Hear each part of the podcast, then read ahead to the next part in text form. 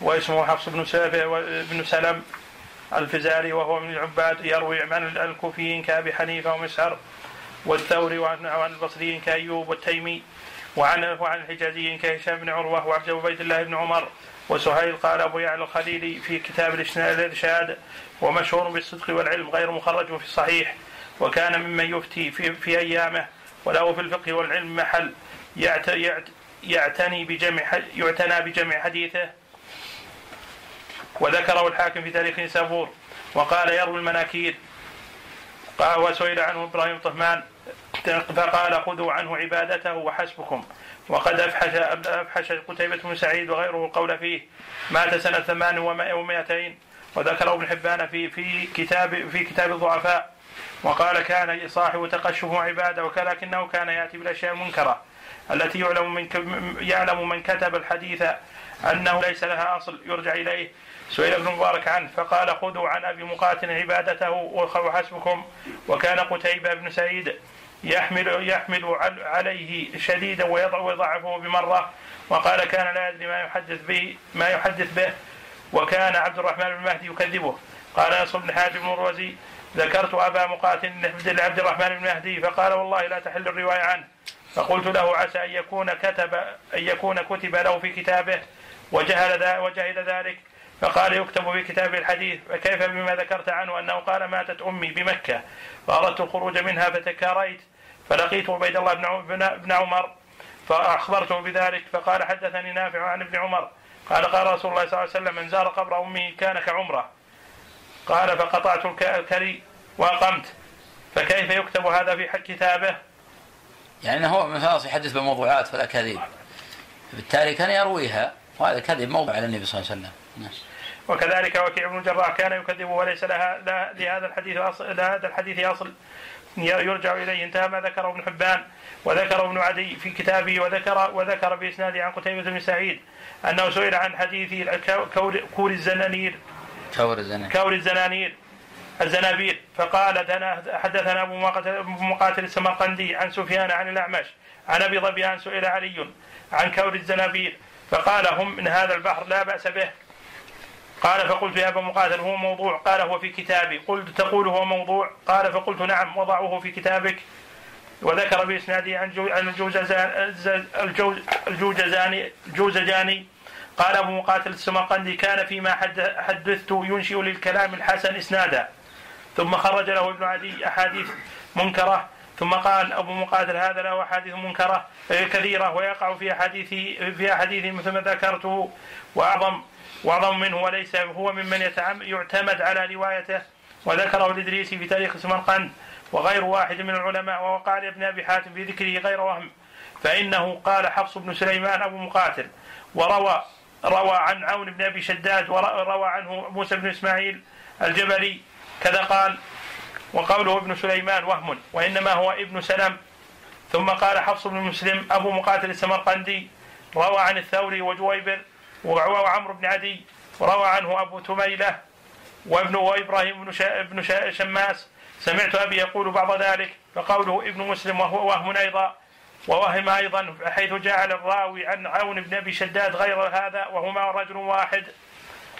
قال أبو عيسى وقد تكلم بعض أهل الحديث في قوم من جلة أهل العلم وضعفوه من قبل حفظهم ووثقهم آخرون لجلالتهم وصدقهم وإن كانوا قد وهموا في بعض ما رووا وقد تكلم يحيى سعيد القطان في محمد بن عمرو ثم روى عنه حدثنا أبو بكر عبد القدوس بن محمد بن عطار قال البصري حدثنا علي بن المديني قال سألت يحيى بن سعيد عن محمد بن عمرو بن علقمه فقال تريد العفو أو تشدد؟ فقلت لا بل اتشدد بل أشدد. قال فقال ليس هو ممن تريد. كان يقول أخونا أبو سلمة ويحيى بن عبد الرحمن بن عبد الرحمن بن حاطب قال يحيى. وسألت مالك بن أنس عن محمد بن عمرو فقال فيه نحو نحو ما قلت. قال علي قال يحيى ومحمد بن عمرو أعلى من سهيل بن أبي صالح وهو عندي فوق عبد الرحمن بن حرملة. قال علي فقلت ليحيى ما رأيت من من عبد ما رأيت من عبد الرحمن بن حرملة؟ قال لو شئت أن ألقنه لفعل لفعلت. قلت كان يلقن؟ قال نعم. قال علي ما يكون عنده شك مثلا ثم إذا يترجع عنده؟ لا لأنه ما ضبط.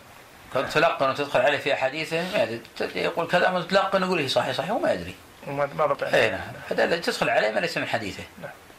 قال علي ولم يروي يحيى عن شريك عن آه، آه، ولا عن ولا عن أبي بكر بن عياش ولا عن الربيع بن صبيح ولا ولا عن المبارك بن فضالة. قال أبو عيسى وإنما وإن كان يحيى بن سعيد القطان قد ترك الرواية عن هؤلاء فلم يترك الرواية عنهم أنهم اتهمهم بالكذب ولكنه تركهم لحال حفظهم. وذكر عن عن يحيى بن سعيد أنه كان إذا رأى الرجل يحدث يحدث من حفظه مرة هكذا ومرة هكذا لا يثبت على رواية واحدة تركه.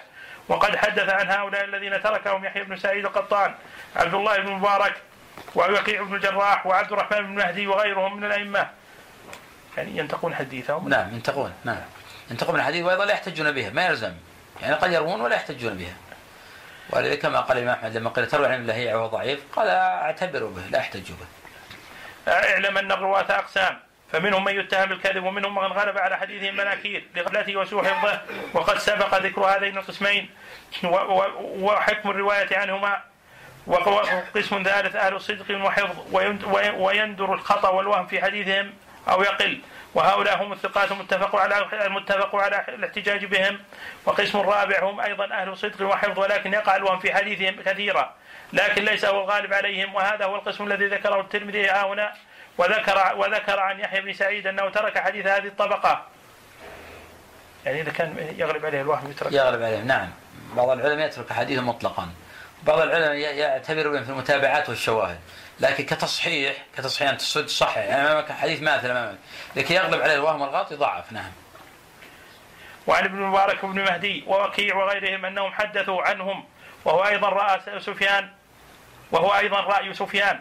وأكثر أهل الحديث والمصنفين منهم في السنن والصحاح كمسلم بن الحجاج وغيرهم فإنه ذكر في مقدمة كتابه أن لا يخرج حديث ما حديث منه ومنهم ممن هو- لأنه لا لا يخرج حديث من هو متهم عند أهل الحديث. أو عند أكثرهم ولا من ولا من الغالب على حديث المنكر والغلط وذكر قبل ذلك أنه يخرج حديث أهل الحفظ والإتقان وأنهم على ضربين. أحد على ضربين. على ضربين.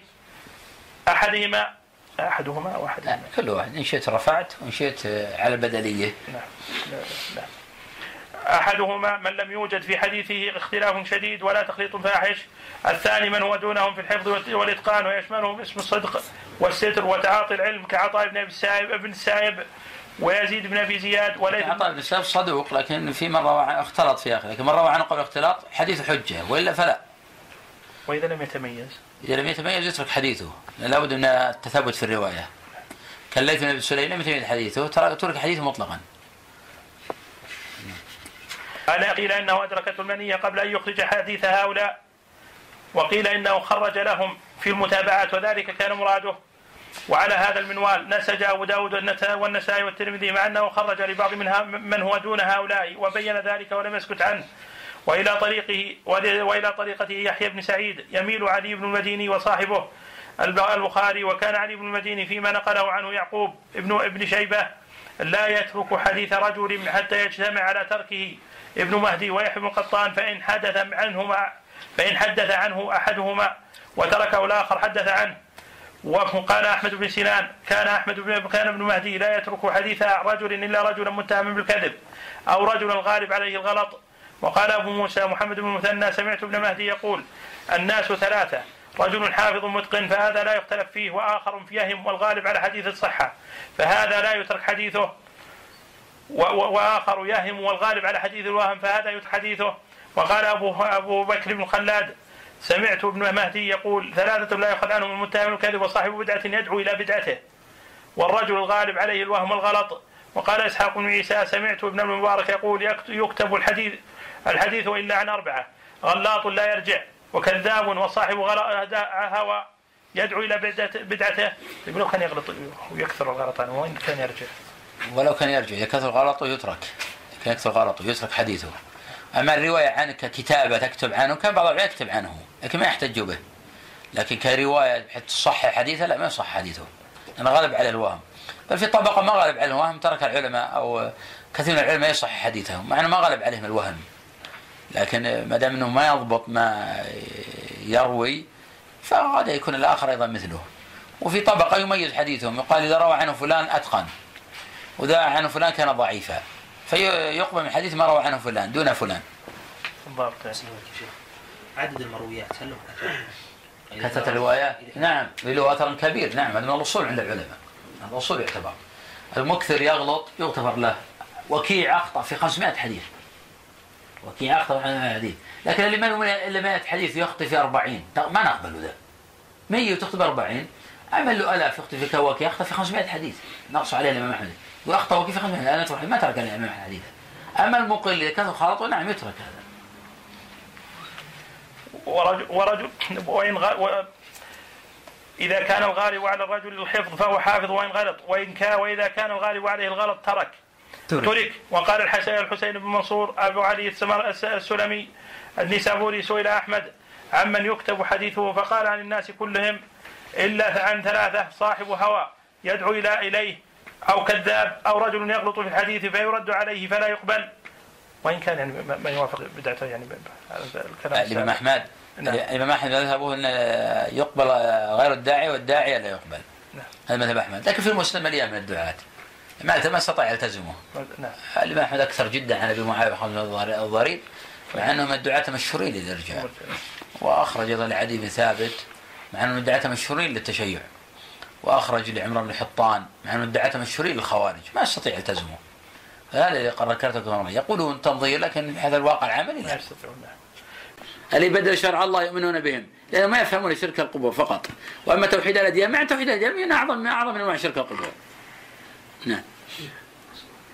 في جماعة نعم تسمي تعرف قول لا هو عبارة لا إله إلا الله بإدخال آه، إخراج اليقين الفاسد وإدخال اليقين الصادق على ذات الله. هذا يرجع لقول المرجئة بأن الإيمان هو الاعتقاد. لا إله إلا الله ليست خاصة باليقين. اليقين والعمل لا إله براءة من الطواغيت. والبراءة من الطواغيت ما تكون بمجرد القلب. ماذا قال الله جل عن إبراهيم؟ قد بدت بيننا وبينكم العداوة والبغضاء. والنبي صلى الله عليه وسلم يقول من قال لا إله إلا الله وكفر بما يعبد من دون الله. فهذا قول المرجئة الذي يفسرون الإيمان بأنه اعتقاد. ولذلك يخرجون أعمال الجوارح.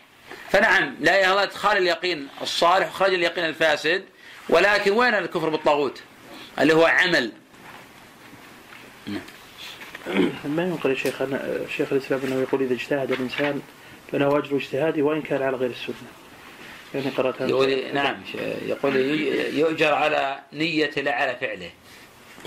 نص عليه في الاقتضاء في الفتاوى نعم. يؤجر على نيته لا على فعله. من أحدث في امرنا هذا ما ليس منه فهو إيه يقول هذا دليل على رد الفعل.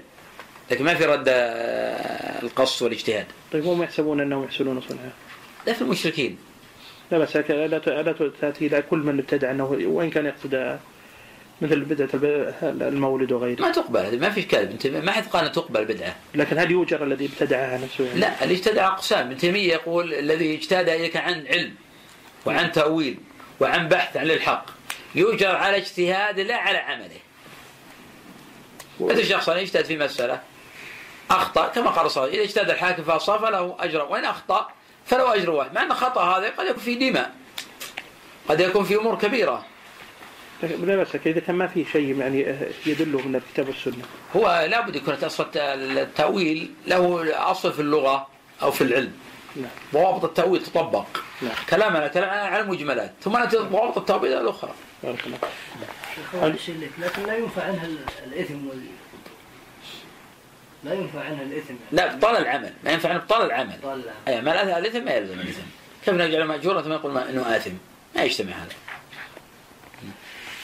الحمد لله رب العالمين والصلاة والسلام على نبينا محمد وعلى آله وصحبه أجمعين. قال رحمه الله تعالى وقال ربيع بن سليمان قال الشافعي من كثر غلطه من المحدثين ولم يكن له أصل كتاب ويصل كتاب صحيح لم يقبل حديثه كما يكون من أكثر من أكثر الغلط في الشهادة لم تقبل شهادته. من أكثر الغلط في الشهادة لم لم تقبل شهادته. وكذا ذكر الحميدي وهذا قد يكون موافقا لقول يحيى بن سعيد ومن تبعه وروى نعيم بن حماد حدثني ابن مهدي قال سئل شعبة عن حديث من, من يترك حديثه؟ من يترك. قال من يكذب في الحديث ومن يكثر الغلط ومن يكثر الغلط ومن يخطئ ويخطئ في حديث مجتمع عليه. في حديث مجتمع عليه. فيقيم, فيقيم على غلطه ولا يرجع. ومن روى عن المعروفين ما لا يعرفه المعروفون. وذكر أبو حاتم الرازي حدثنا سليمان بن أحمد الدمشقي قال قلت لعبد الرحمن بن مهدي أكتب أكتب عمن يغلط في عشرة.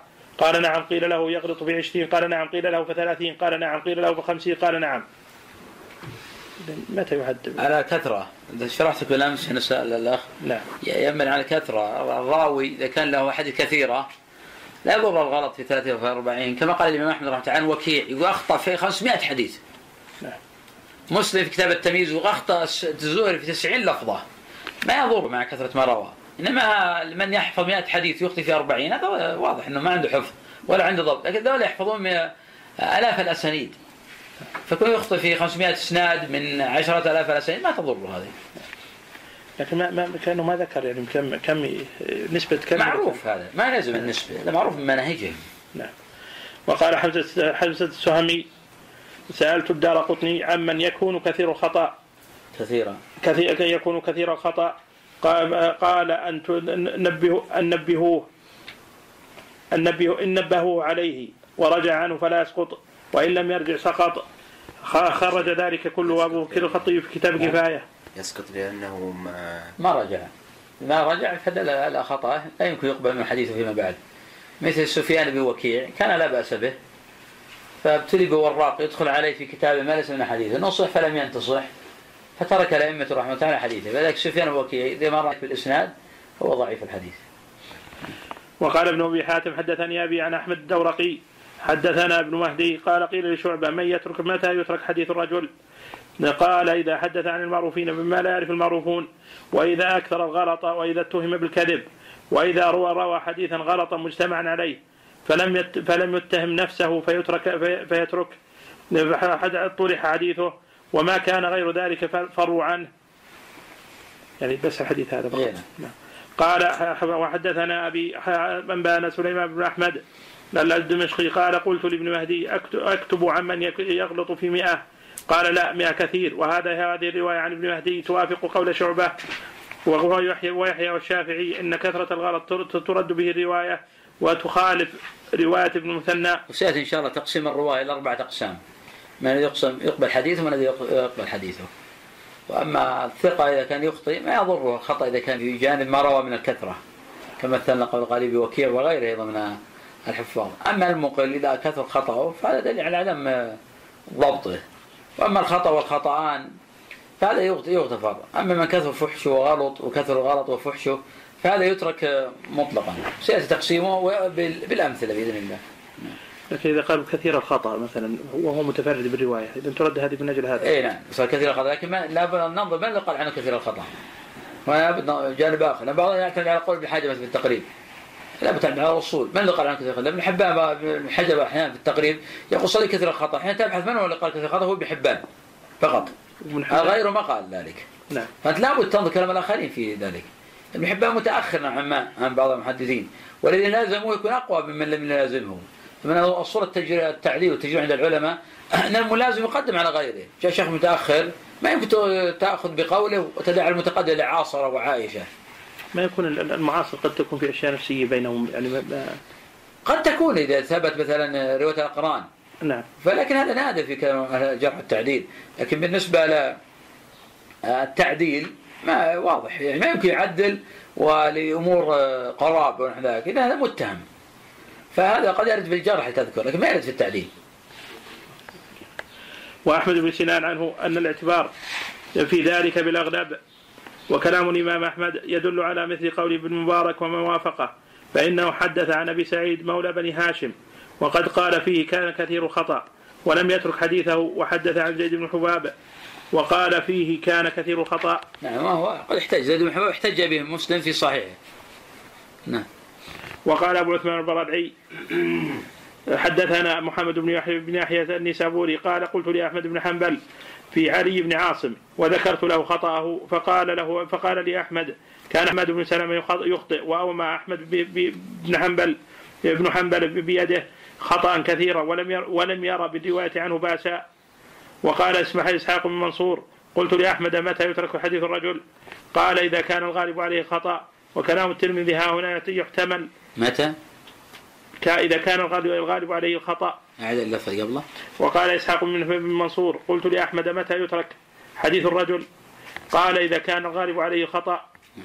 وكلام الترمذي ها هنا يحت- يحت- يحتمل مثل مثل قول شعبة وحي وأحيا وما وافقهما حيث ذكر أن من كان مغفلا يخطئ الكثير فإنه لا يشتغل لا يشتغل, لا يشتغل بالرواية عنه.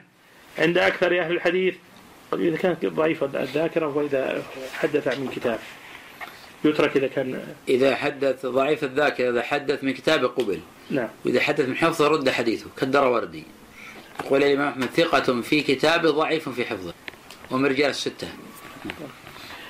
وذكر أيضا قبل ذلك أن من ضعف من ضع من ضعف لغفلته وكثرة خطئه لا يحتج بحديثه فلم يعتبر إلا إلا كثرة الخطأ.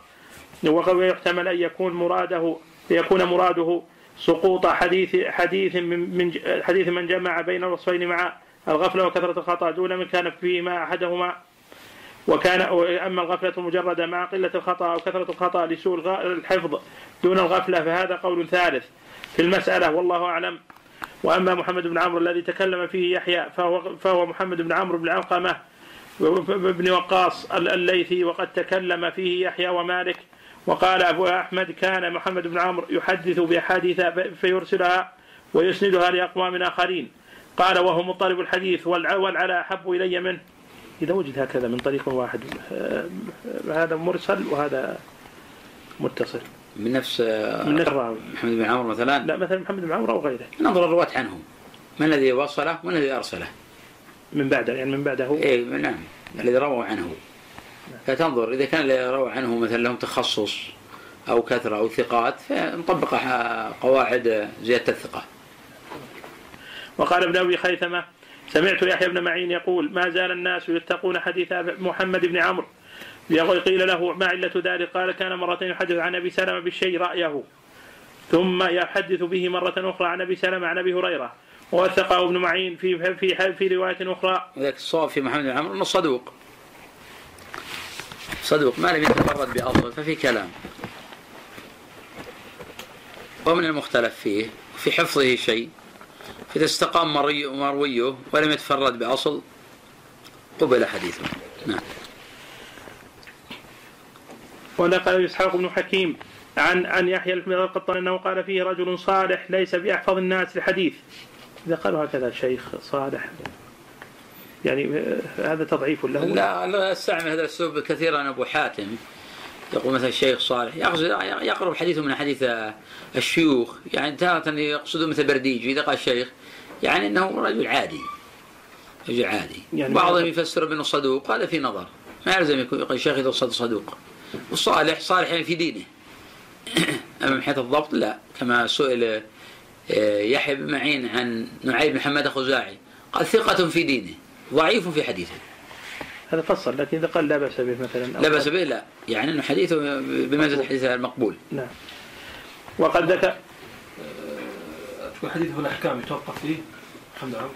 في, في الأصول فقط توقف فيه. نقبل في الأحكام ما لم تكن أصولا. وقد نقل وقد نقل إسحاق بن حكيم عن يحيى القطان انه قال فيه رجل صالح ليس بيحفظ الناس إلا الحديث وقد ذكر الترمذي أن يحيى بن سعيد روى عنه وكذلك روى عنه مالك في الموطأ وخرج حديثه مسلم متابعة وخرجه البخاري مقرونا يعني وذلك صحح له الترمذي. الترمذي صحح حديث محمد بن عمر. وقد قال يحيى بن معي بن معي بن سعيد هو فوق سهيل بن أبي صالح. وفوق هو فوق سهيل بن أبي صالح؟ نعم سهيل احتج بمسلم احتج مسلم بسهيل عن أبيه في أكثر من خمسين موضعا. احتج مسلم بسهيل بن أبي صالح عن أبيه في أكثر من خمسين موضعا. وهذا الإمام يقول بأنه فوق السهيل من كان فوق السهيل فهو ثقة. ولكن يبقى يقار يقرن كلامه بكلام الآخرين. فنخلص أنه صدوق عنده شيء في حفظه. نصحح حديثه ما لم يكن أصلا في الأحكام. قال أحمد ولم يرو وخالفه في ذلك أحمد الإمام أحمد. وقال ليس كما قال يحيى. قال أحمد ولم يروي شعبة عن عن عن محمد بن عمرو إلا حديثا واحدا. إذا كان عدم الاكثار عن منه يعني عدم توثيقه ولا والله شعبة تكلمت معك أكثر من مرة. انطبق من العلم يقول لا يروي إلا عن ثقة. قلت لكم أن ابن عبد الهادي أنكر هذا في كتاب الصارم المنكي وأورد عددا كبيرا من الرواة روى عنهم شعبة وأنا اوردت لكم عاصم بن عبد وغيره. إنه يعني يروي عنهم وليسوا بثقات. فالقول بأن الشعبه لا يروي عن الثقة غير صحيح. لكن شعبة مقل عن الضعف هذا صحيح. شعبة مقل لا أنه لا يروي عن ثقة. ورواية شعبة وابن مهدي عن الراوي لا شك أنها تعطي الراوي قوة. شعبة ما لم يضعف. بالتالي نستفيد من شعبة مثلا وعبد الرحمن بن مهدي ومالك في الرواة عن المجاهيل بحيث قد يقوج يرفع عنهم الجهال هذا ممكن. أما من ضعف فلا يفيد روايه هؤلاء الحفاظ عنه. وأما عبد الرحمن بن حرملة الذي ذكر يحيى القطان أن محمد بن عمرو فوقه فهو محمدني كان يحيى القطان يضعفه ولا يرضى وقال ابن مديني راددت يحيى في ابن حرملة فقال ليس هو عندي مثل يحيى بن سعيد الأنصاري قال سمعت سعيد بن المسيب قال يا أيهما الاصح المسيب والمسيب؟ مسيب. أنا مسيب ما صحت أما قول سيب مسيب الله ما صح. قال سمعت سعيد بن المسيب المسيب قال يحيى لو لو شئت أن ألقنه أشياء. قال قلت كان يلقن؟ قال نعم. وقال أحمد في في في ابن حرملة وكذا وكذا يضعفه. وقال ابن معين لا بأس به. قيل له يقولون سمع من ابن الزبير وهو صغير. ابن المسيب وهو صغير. قال لا. وذكر ابن أبي خيثمة عن ابن عن ابن معين عن عن يحيى عن ابن حرملة قال كنت سيء الحفظ. سيء كنت سيء الحفظ. فسألت سعيد بن المسيب ابن المسيب فرخص لي في الكتاب وأما شريك فهو ابن ابن عبد الله النخعي قاضي الكوفة. وكان كثير الوهم ولا سيما بعد أن ولي القضاء وكان فيه أيضا في تلك الحالة تيه وكبر واحتقار نعمة الصالحين لأما الصالحين. ما هي ما هي سيئة. نعم. ما هي سيئة يعني عنده تسير لا وقد هو طبعا هو ما يرى هذا في نفسه لكن يراه الآخرون. نعم. يعني الآخرون يرون هذا فيه العيب وقد ما يرى هذا في نفسه. وقد خرج حديثه قد يكون التساق شديد في دينه مثلا ثم كل كل آه، ثلب على شخص آه، تكبر عنده. بلا شك. ولذلك العلماء ينقلون حديث التحرير باب آخر. الناس عنده دقة أيضا في النقد. نعم. عنده دقة وهذا لا يقوى من كل وجه من ينقض كل شيء. وذلك ابن رجب رحمه الله لما تكلم في كتابه مجموعة الرسائل على نقد بعض العلماء الأوائل على طبقة من العلم في الزهد والورع والمسائل هذه؟ كان هذا لدقة نقدهم. قال هذه عند آخرين لا تعد نقدا أصلا. فإنه ينقل نقلا. نقولات طبعا وتحمل على محامل أخرى عند تحسين الظن بهم مثلا. بعض الأحيان يكون عنده كبر على الإجرام والفسق فيظن كبرا عاما. وهذا غير صحيح. وقد خرج حديثه مسلم مقرون بغيره. ومن الأوهام المتعلقة بترجمته أن مسلما ذكر في حديث كتاب الكنى أن أحمد أحمد سمع منه وهو وهم. لم يسمع منه أحمد إنما سمع من أصحابه. وهو أما أبو بكر بن عياش فهو المقرئ الكوفي وهو رجل صالح لكنه كثير الوهم. ومع هذا فقد خرج البخاري حديثه وأنكر عليه ابن حبان تخريج حديثه وتركه وتركه لحماد بن سلمة. كيف كثير الوهم واخرج له. يعني انتقى منه وكذا. ينتقون نعم وأيضا قلت لك أكثر مرة. لابد نجمع مع نصوص الآخرين. هو كثير من طبقة. يعني آخرين لا. لو نجمع مثلا النقد لمحمد بن عمر ما قبلناه أصلا. لا. لكن لما نظرنا أيضا يوثقونه لابد مقارنة بين هذا وهذا. فنخلص بعصارة. وذا قلنا أكثر مرة اللي ما عنده قدرة لابد يعتمد على التقريب. يعني يلخص لك كلام العلماء. اللي عنده قدره ما يلزم ياتي من التقليد ما ما يكون هو بروايه نفسه ابن حجر يعني بالنسبة لا ابن حجر ينظر الأقوال ويستخلص بطريقته. نعم. شيخ هل يمكن معرفة حال الراوي للمتأخر بالنظر في الحديث؟ لابد هنا إذا أردت أن تستقل لابد عدة أمور عدة عوامل ضرورية تتوفر أهمها هو الأمر الأول النظر في كلام الأئمة حول هذا الراوي. الأمر الثاني دراسة مروياته. ودراسة المرويات تعطيك قوة. بحيث لا تكتفي بمجرد ما يقوله الآخرون عنه. لابد أن تدرس حديث الراوي. حين تقرأ مثلا ترجمة الشهر بن حوشة في كتب الرجال الأكثرون يوثقونه. فربما ما توثقه لكن حين تدرس حديثه لا يخالف شك يضطرب في الأحاديث. ما يضبط. فتضعيفه بناء على دراسة لا بناء على ما ينقل عنه. ما ما يرى نفس رأي الناقد نفسه؟ يعني كان متشدد ولا طبعا تقسيم التشدد هذا والذهبي هو اللي يركز على الجوانب. نعم. غير الذهبي ما يرى هذا الرأي. بن سعيد ما يصح القول بأنه متشدد. يعني هو يجرد وينفي عن سنة النبي صلى الله عليه وسلم ما ليس منها. وقول بأن الذهبي يقول الناس ينقسم ثلاث أقسام قسم متشدد. كيحيى بن سعيد القطان قسم وأبي حاتم يقول متعنت. وقسم يقول متوسط كأحمد والبخاري قسم متساهل كابن حبان. والصواب في الثالث. أما في الثاني والأول غير صحيح. كل الأوائل عندهم اعتدال قوي ويستفاد منهم. وليس بصحيح إنه متشدد. تشدد من المحاسنة. حيث ينفي عن سنة النبي صلى ليس منها. وأما الربيع بن صبيح ومبارك بن فضالة فلم يخرج له فلم يخرج لهما في الصحيح وقد وثق المبارك بن عفان عفان المبارك مبارك عفان. وقد وفق المبارك وثق المبارك عفان وأبو زرعة وغيره وغيرهما وقال شعبة هو أحب إلي من الربيع وسوى سوى ابن ابن معين بينهما في الضعف. وقال فأحمد ما أقربهما وقال وقال مرة مبارك مبارك أحب إلي من إلي إذا قال سمعت الحسن يشير إلى أنه يدلس. ما هذه تصير؟ لا معنى عن العنعنة هو مبارك يدلس لكنه مقل أما مسألة العنعنة لا لأنه ثبت أنه إذا عن عن دلس. لأن العنعنة بذات علة مثل والدليل على ذلك أن الإمام أحمد قيل لا تقول الحسن سمع من عمران؟ قال لا. قيل لا نصرح بالسماع. قال يقول ذاك مبارك. مع انه تصريح اللي بعده هو اللي اي نعم اللي بعده غلط عليه. فأنكر احد يقول مبارك. قال من يقول هذا المبارك؟ يونس بن عبيد وأصحابه ما يقولون هذا. فأنكر أحمد مع أنه وجد السماع. وقال نعيم كان ابن مهدي لا يكتب للمبارك شيئا إلا شيئا يقول فيه سمعت الحسن. وقال الفلاس كان يحيى وعبد الرحمن لا يحدثان عن مبارك.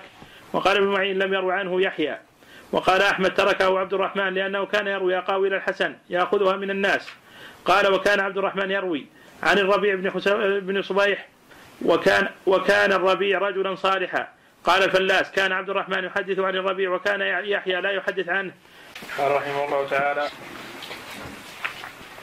قال أبو عيسى وقد تكلم بعض أهل الحديث في سعيد بن أبي صالح ومحمد بن إسحاق وحماد بن سلمة ومحمد بن عجلان وأشباه هؤلاء من الأئمة إنما تكلموا فيه من قبل حفظهم في بعض ما رووا. وقد حدث عنه الأئمة حدثنا الحسن بن علي الحلواني حدثنا علي بن المديني قال قال لنا معاوية سفيان بن عيينة كنا نعد سهيل بن أبي صالح ثبتا في الحديث.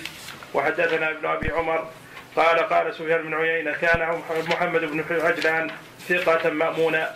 في الحديث. قال أبو عيسى وإنما تكلم يحيى بن سعيد القطان عندنا في رواية محمد بن عجلان عن سعيد المقبري المقبري قال حدثنا أبو بكر عن علي بن عبد الله قال قال يحيى بن ابن عيسى ابن عيسى ابن سعيد. قال محمد بن عجلان أحاديث سعيد المقبري بعضها عن, عن سعيد عن أبي هريرة وبعضها عن سعيد عن رجل عن أبي هريرة فاختلطت علي فصيرتها عن سعيد عن أبي هريرة. لكن التثبت من حديث ابن عجلان عن المقبري. حديث ابن عجلان عن المقبري التثبت منها. كذلك حديث ابن عجلان عن نافع ينبغي التثبت منها. فإن ابن عجلان وإن كان صدوقا فهو يخطئ في أحاديث المقبري ويخطئ في أحاديث نافع ما يكون من الأفضل انه إنه يترك كل اذا كان اختلطت عليه اختلطت عليه. إلا لكن هو يروي والبقية يميزون. وإنما تكلم يحيى بن سعيد عندنا في ابن عجلان لهذا وقد روى يحيى بن عن ابن عجلان الكثير. أما سائل بن أبي صالح السمان فقد تكلم فيه جماعة من الأئمة. قال ابن أبي خيثمة قد سمعت يحيى بن معين يقول لم يزل أصحاب الحديث يتقون حديث حديث, حديث سهيل. قال وسئل ابن معين مرة مرة أخرى عن سهيل فقال ليس بذاك. وسئل مرة أخرى فقال سهيل ضعيف. وحكى عباس الدوري الدوري الدوري. الدوري. قال سئل يحيى بن معين عن يحيى عن عن, عن حديث سهيل والعلاء بن عبد الرحمن. فقال حديثهما قريب من السواء وليس حديثهما بالحجة. هذا قولهما طبعا تقدم بالامس أن كبر الحفاظ يوثقون سهيلا ويوثقون العلاء. قد احتج بهما مسلم في صحيحه وروى عنهما أكثر من خمسين حديثا في الأصول. وسهيل ثقة عن أبيه عن أبي هريرة والعلاء عن أبيه عن أبي هريرة كلاهما ثقة.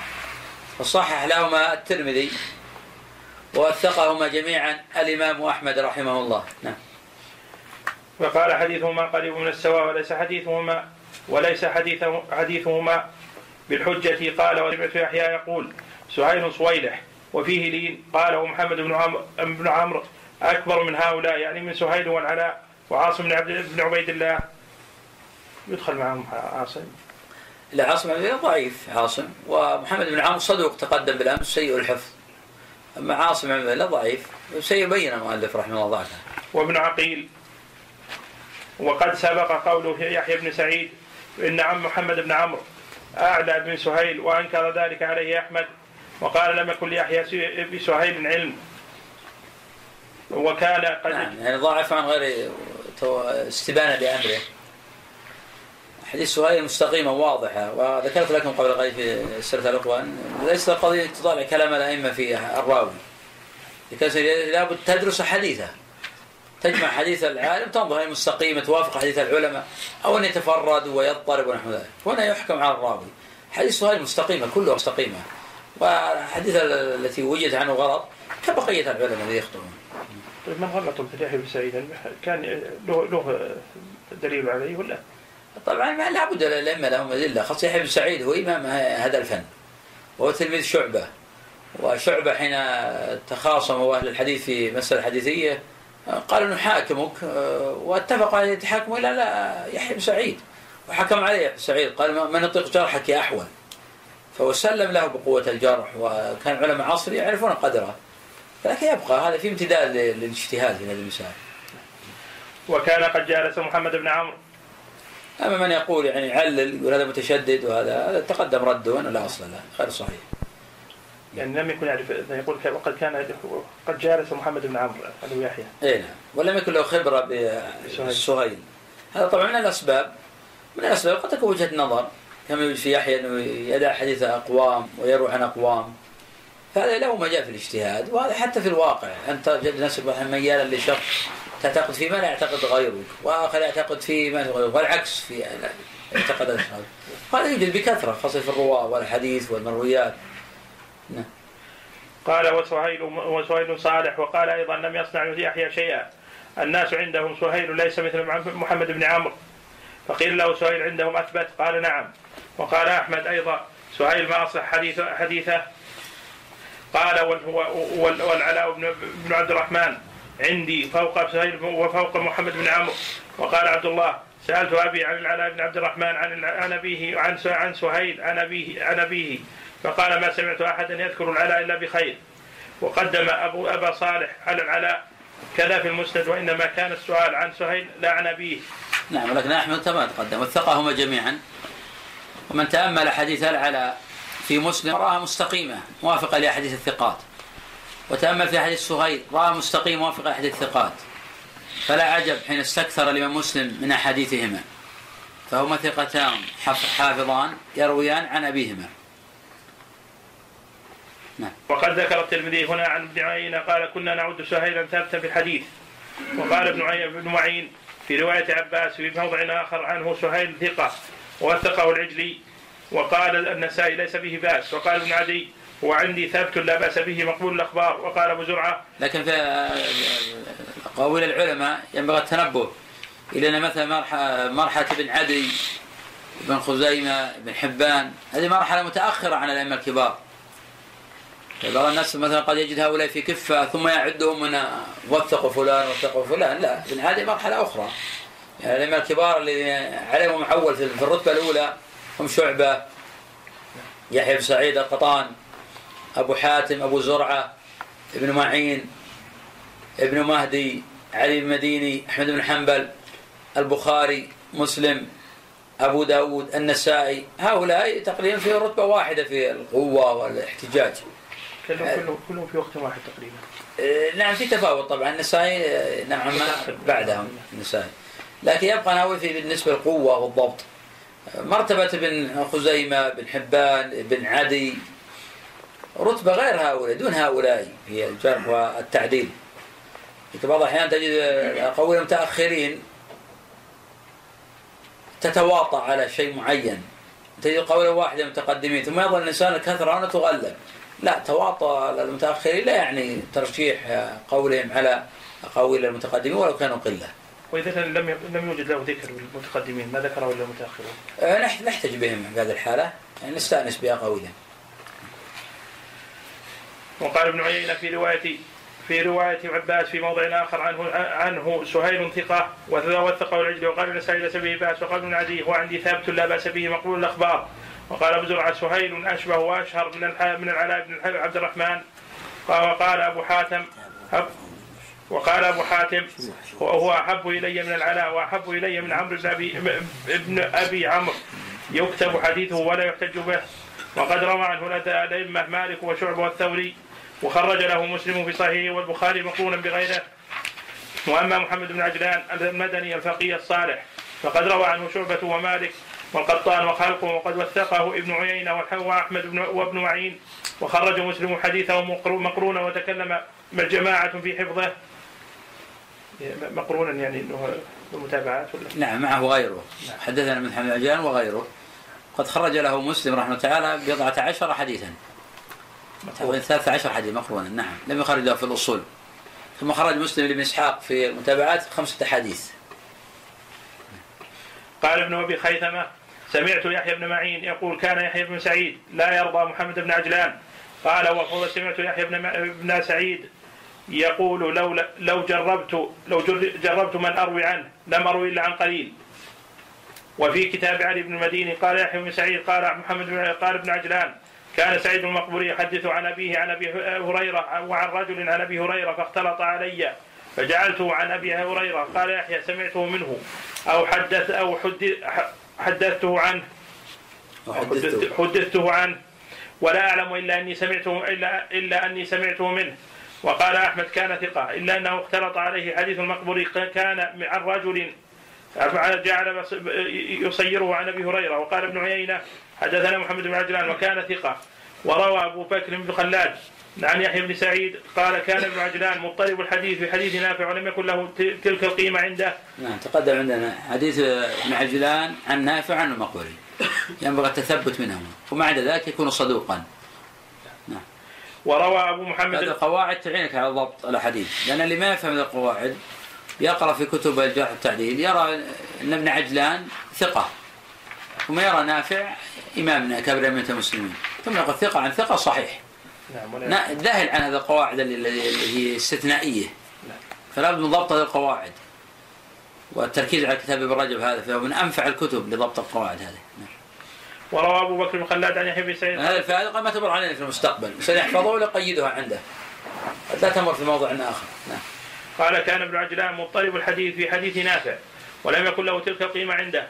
ورواه أبو محمد الرامه- الرامه- الرامهرمزي في كتابه من طريق يحيى بن سعيد. قال قدمت الكوفة وبها ابن عجلان وبها من يطلب الحديث مليح بن بن وكي- بن وكيع وحفص بن غياث وعبد الله بن ابن إدريس ويوسف بن خالد السمتي.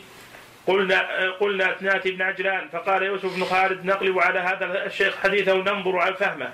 قال فقلبوا فجعلوا ما كان عن سعيد عن أبيه وما كان عن أبيه عن سعيد. ثم رجعنا إليه.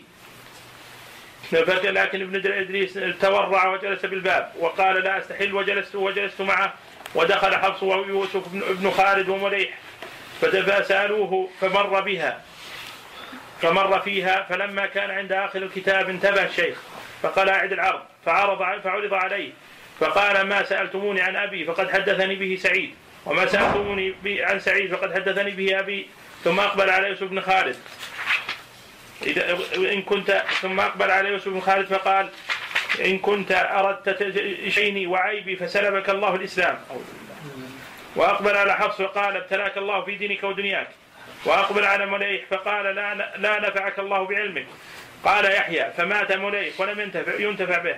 وابتلي حفص في بدنه بالفارج وبالقضاء في دينه. ولم دينه ولا دينه؟ دين.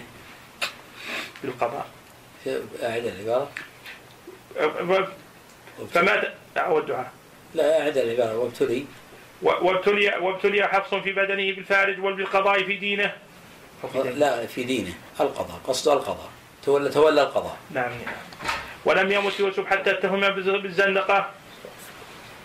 ويجوز امتحان العالم. امتحان العالم يجوز في حالات دون حالات. امتحان العالم إذا كان الاختبار ما عنده من العلم وينتهي الامتحان بانتهاء الاختبار وبانتهاء المسألة وبقصد اختبار مدى ضبطه من عدمه. فهذا جائز وفعله العلماء رحمه الله تعالى مع العقيلي وفعله على المدينة وجماعة مع أبي نعمان الفضل بن دكين فعل مع العقيلي. إذا كان المقصود النظر دون فائدة اللهم يكتب حفظه بدون يعني مصلحة ما, ما في مصلحة أصلا. أو لإغراب أو للتعجيز أو لإحراجه عند الحاضرين ونحو ذلك. هذا محرم ولا يجوز. نعم. صحيح القصة؟ القصة هذه مشهورة لكن مسألة الدعاء على الرجل بسلب الإسلام لا لا لا, لا أكثر من العلماء يحرمون ذلك يمنعونه. ما فيها شيخ ضابط الحديث عن أبيه وعن سعيد. إلا ضابط لكن يخطئ. دلت روايات كثيرة أنه يخطئ وذلك ما انتبه له في الأخير ما انتبه في الأول ما تنبه. فهو تنبه في الأخير وتنبه في الأخير لأنه ضابط من البداية. نعم قد يرد عليه أنه كان غافلا بعض الأحيان سيغفل لكن لا يدل أنه ما ضبط. لكن تدل روايات أخرى على أنه هو ضابط ما يمكن شيخ لكن في القصة الامتحان مو أنه مسموح به ما يلزم انكم المسموح فيه لأن هؤلاء يعلمون يعني إنه يخطي بعض الأحيان. عن المقبري. فبدأ يعلم لماذا يمتحنه؟ إنما اذا لا يعلم. مثاله بلغ علي المديني أن الفضل بن دكين وهو ابن نعيم عنده شيء من التغير. فكان هو واحد بن حنبل ويحيى بن معين ومجموعة من الأكابر في زيارة للفضل عرض عليهم على المدينة امتحانها. قال له لا تفعل فإن الرجل ضابط. فأبى على المدينة اللي يمتحنه. فعلي كان يعتقد عنده شيء وأحمد كان يعتقد ما عنده شيء. فحين جلسوا عنده بدأ يعرض عليها الأسانيد مقلوبة بالمدينة. فكان يتفطن لكل سؤال أبو نعيم. طبعا ابن نعيم شيخ البخاري من كبار الأئمة حافظ ضابط. فبعدما رد عليها أسئلته ورد عليها القلب نظر إلى ابن معين فقال ما لست بهذا؟ ونظر لآخر كان معهم فقال أنت أقل شأنا من هذا. ونظر إلى أحمد فقال أنت أورع من أن تفعل هذا. ثم مد رجله وكانوا في دكة ورفس علي المديني حتى سقط على ظهره من الخلف. كما فعل اللمس. فكان قال الإمام أحمد لعلي قلت لك لا تفعل. قال لا رفسة ذي يحب لي من كذا وكذا. عرفت مضابط ومدخل هذا يعني قاصد الحق هذا ما يضر الله أما هؤلاء يعلمون إنه من مجرد امتحان. ولذلك لو كانوا يعني صادقين ما ما عاقبهم الله ولا استجاب دعاء من ظلم من دعا عليهم. لكن الدعاء عقدته للفتن سعد. تعرض الفتن نعم ثابت هذا لكن سلب الإسلام مشكلة هذا. وأما محمد بن إسحاق بن يسار صاحب المغازي فيطول ذكر ترجمته على وجهها وقد وثقه جماعة قال أحمد هو حسن الحديث وقال مرة يكتب من حديثه هذه الأحاديث كأنه يعني المغازي وقال مرة وصالح الحديث واحتج به واحتج به أنبان أنبانا أيضا. أنبانا أيضا. إيه نعم. أنبانا يعني نعم عندكم هكذا بالنسخ؟ أنا. أنا. إيه أنبانا نعم. وقال ابن المديني حديثه عندي صحيح. والله يمكن والله يمكن واحتج به أنا أيضا. وقال مرة هو صار حديث واحتج به صار سقط حتى في القوسين. أنا أيضا. صحيح. إذا اتصل أنا. وقال مرة وصالح الحديث وأحتج به أنا أيضا.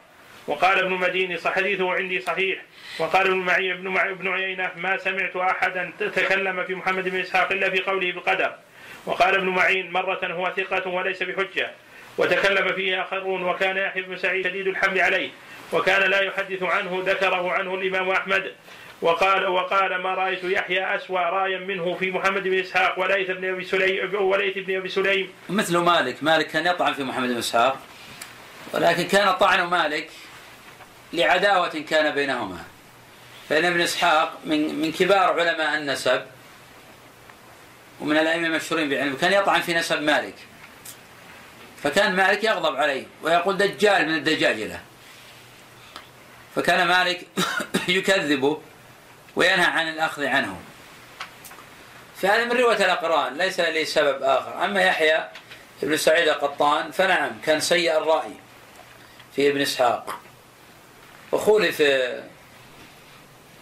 يحيى في هذا. لكن أحسن الأقاويل أحمد محمد توسط عنه قول. قال تف- في الأحكام يتقى حديث ابن اسحاق والأحكام. والعلي منها على التفردات. لا على غيرها. فإن ابن إسحاق صدوق. وحافظ أيضا. وعلامة في علوم متعددة. وقال ابن مهدي وهمام لا يستطيع أحد أن يراجعه فيهم. يعني كل ثلاثة. اي نعم. يعني سعيد كان شديد جدا. لا يستطيع أحد يراجع في بعض المسائل أو يناقشها و- وضابط إتقان عجوبه حتى أن سفيان لما أتى إلى العراق جاء قال لابن مهدي كان فضيلة ابن مهدي ائتني برجل يذاكره هذه الليلة. يريد يصبر معك الليلة يتذاكرون. حفظا حفاظ هؤلاء أئمة. يقول فاتيت بيحيى بن سعيد. لكن يحيى بن سعيد كان صغير ما كان يعني. فجعل يذاكر كل الليل. فلما أصبح قال كيف وجدت صاحبك؟ قال أنا قلت لك ائتني بإنسان ما قلت لك ائتني بشيطان. هذا شيطان يعرف كل شيء. فيحيى بن سعيد هذا عجوبة الدهر. يعني عجوبة من العجيب يحيى بن سعيد القطان هذا. كان يصوم الدهر كله ما يفطر ابدا. ما يفطر حتى لقي ربه ما يفطر ابدا. ما يفطر إلا يوم ينهي عنه فقط خمس أيام في السنة. مع ذلك يصوم الدهر. نعم. تسمية الشيطان يجوز إيه قصد يعني مبالغة في ضبط ضبط هذا قصده مثل الاثرم يعني يقال ام جنيه الاثرم يقال ام جنيه ما إيش ام جنيه من يعني. من قوة ضبطه يعني إنه يجي أخبار يعلمون ذولا. وش عرفوا الأمور هذه؟ عندهم قوة حفظ حفظ مذهل. وكان ابن مهدي يحدث عن رجل عنه وكذبه مالك وهش- وهشام بن عروة والأ- والأعمش. ولا ريب أنه كان يته- يتهم بأنواع من البدع من التشيع والقدر وغيرهما وكان يدلس عن غير الثقات. محمد ساق مرة يدرس في في حلقته فغفل. آه، غفل. فقال رأيت في المنام. كان رجلا دخل فوضع القيد في عنق حمار واخرجه من المسجد. فبينه يشرح دخل آه، رسول السلطان. وضع القيد في عنق محمد بن إسحاق. وجره واخرجه من المسجد. نعم.